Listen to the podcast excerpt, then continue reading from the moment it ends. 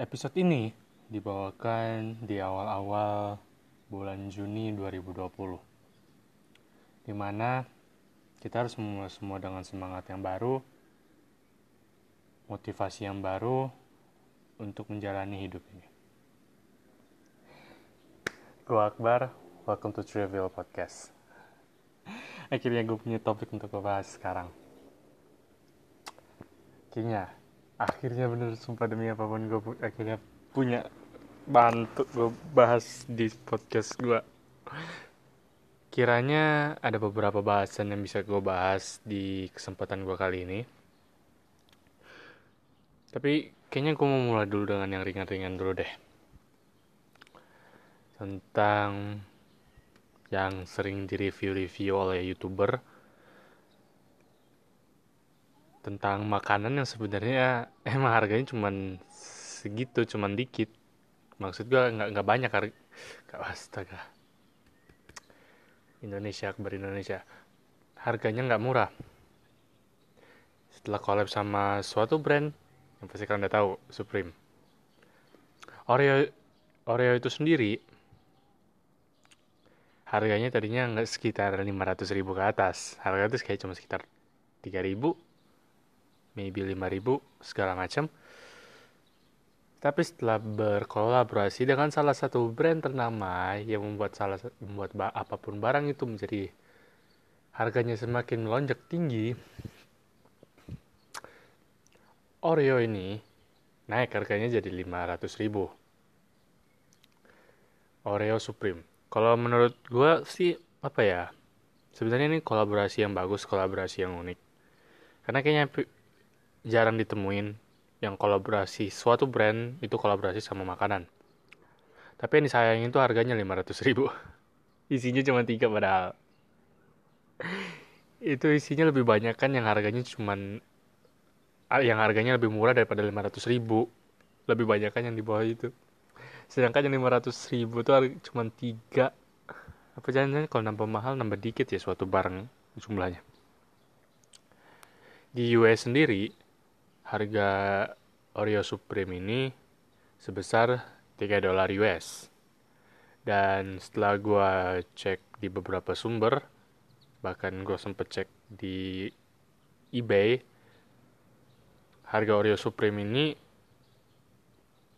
cuman sekitaran 150.000 sampai 500.000. Tapi kalau gue lihat di resell di reseller reseller di kayak di Tokopedia dan yang lain-lain itu harganya bisa 500 ribu 450 ada yang bahkan 600 ribu. Pendapatku tentang ini apa ya kan gue udah bilang di awal tadi kalau ini sebenarnya unik unik banget malahan kata gue tapi kalau di masalah harga itu emang bener-bener gak bagus bener-bener nggak nggak enak di nggak enak dilihat.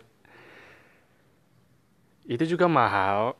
Gue melihat beberapa sumber itu juga mahal akibat adanya reseller sama pengantaran pengantaran barang tersebut. Karena Oreo Supreme itu sendiri dijual secara online karena di beberapa toko di Prancis dan lain-lain itu nggak dibuka karena adanya pandemi ini.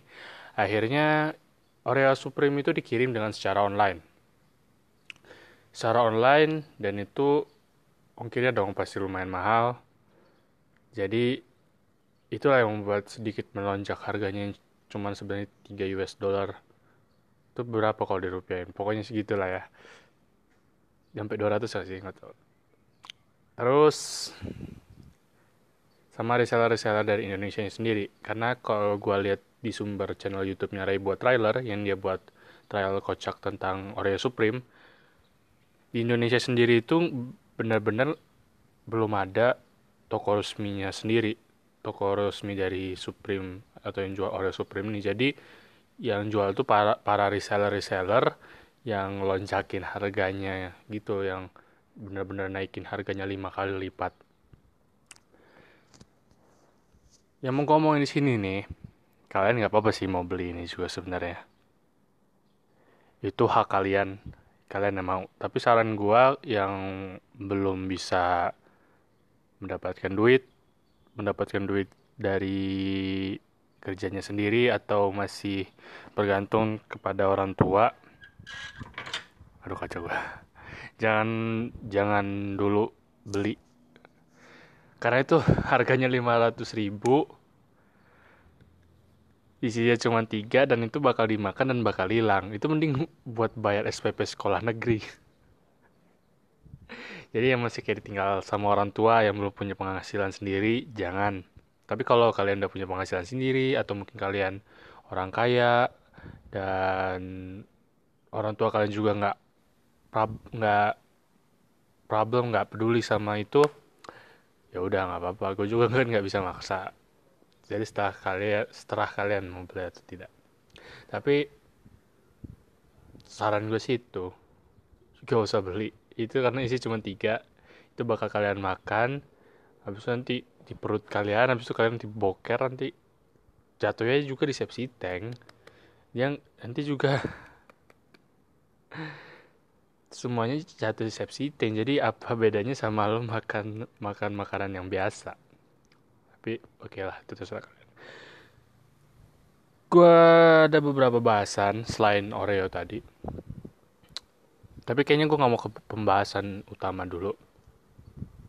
Karena as you guys know untuk beberapa pendengar gue yang tahu gue emang benar-benar pengen buat ini jadi lama.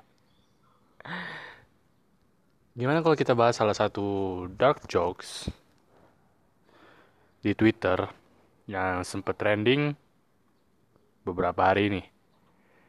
Kan waktu itu ada di salah satu serial animasi Upin Ipin yang sempat trending gara-gara salah satu kat, perkataan Fizi di saat di saat dia bi dia gini aja deh daripada gue bingung kan Mail nanya karena di situ ada di situ ada Mail Upin Ipin dan Fizi Mail Mail bercerita kalau dia tuh nggak bisa pergi main sama mereka karena dia ingin membantu ibunya untuk berjualan kalau nggak salah.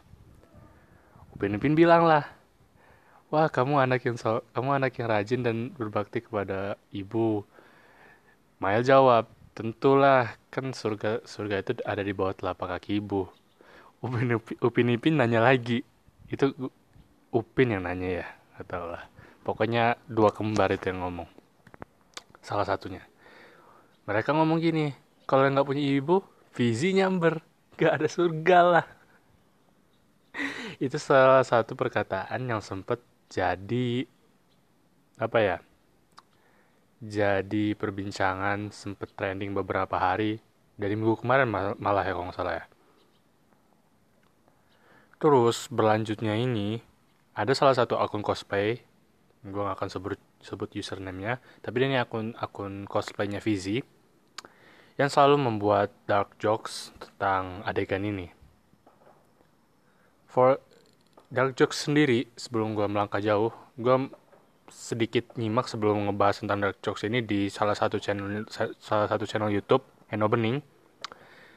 Dia yang jelasin apa itu dark jokes dan setelah ya tangkapan dari pikiran gue, dark jokes adalah suatu lelucon yang berusaha untuk melewati batasnya jadi bisa dibilang lelucon yang membuat di atas batas ya jadi kayak gini contoh nih kan di salah satu adegan Mr. Bean tuh Mr. Bean tuh ada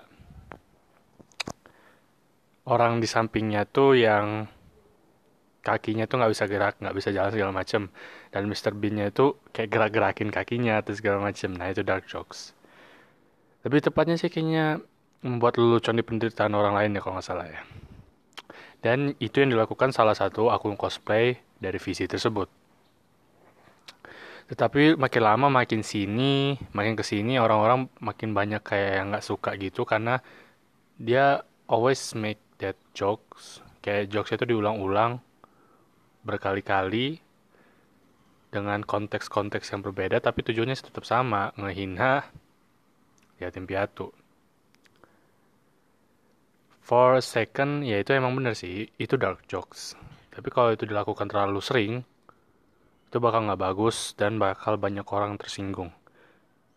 Menurut gue kalau cuman kayak sekali atau dua kali it's okay. Tapi kalau udah berkali-kali itu jadinya aneh dan mungkin banyak orang tersinggung. I know it's dark jokes. Itu cuman jokes. Dan jokes itu nggak ada batasannya emang karena dark jokes sendiri mencoba untuk melewati batas jadi emang sebenarnya nggak ada batas. Cuman itu nggak bisa dilakukan tiap tiap kali.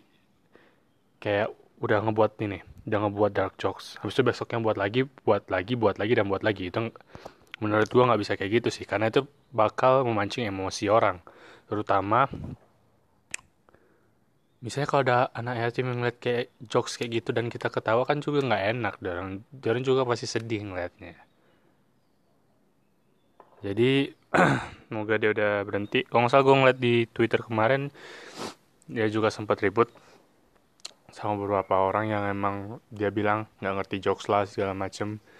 Dan sempat tenang. Atau mungkin emang sekarang udah tenang.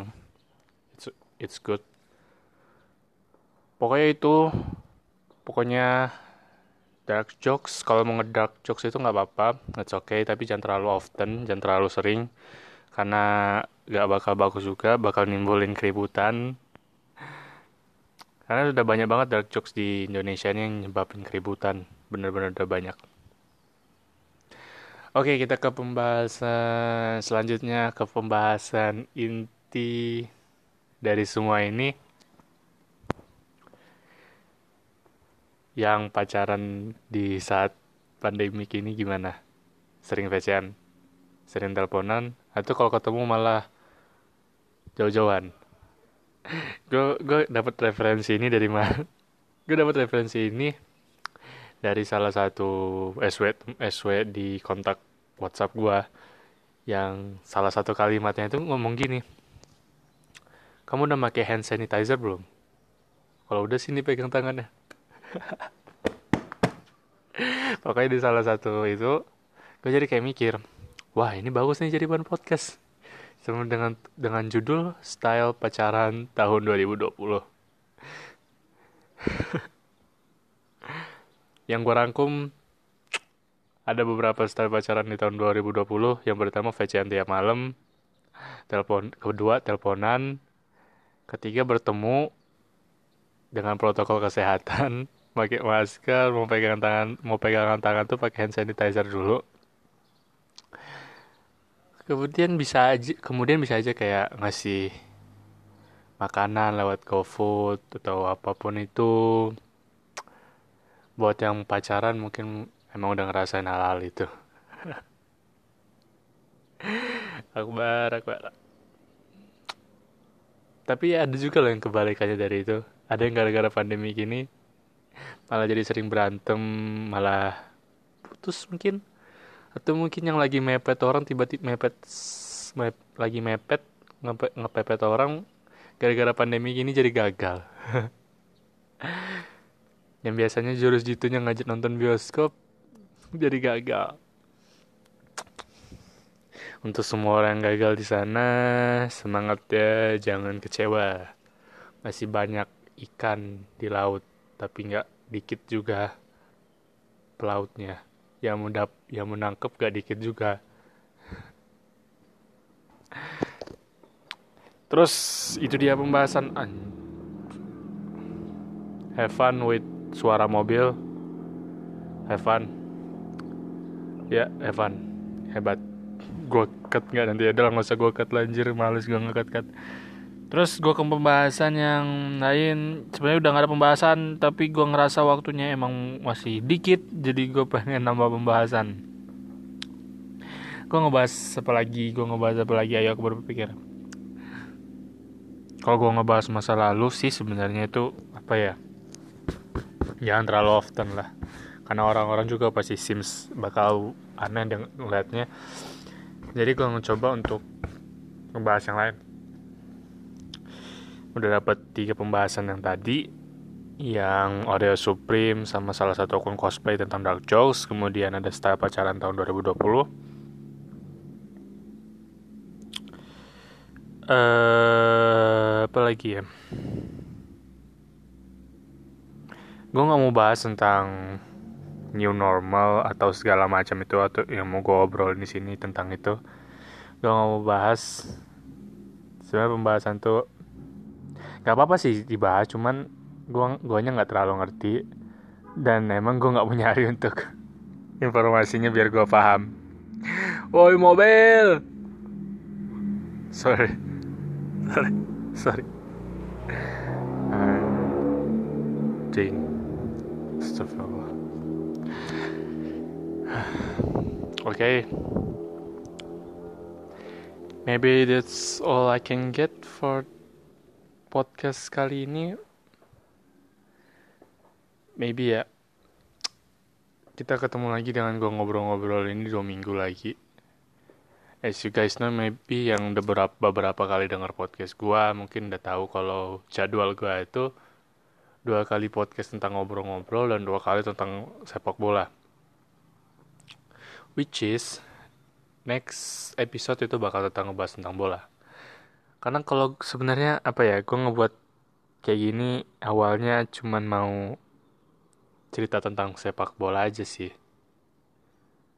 Tapi gue kayak mikir sebenarnya enak juga cerita-cerita kayak gini. Walaupun lo ngomong sendiri tapi lo tuh udah serasa teleponan sama orang.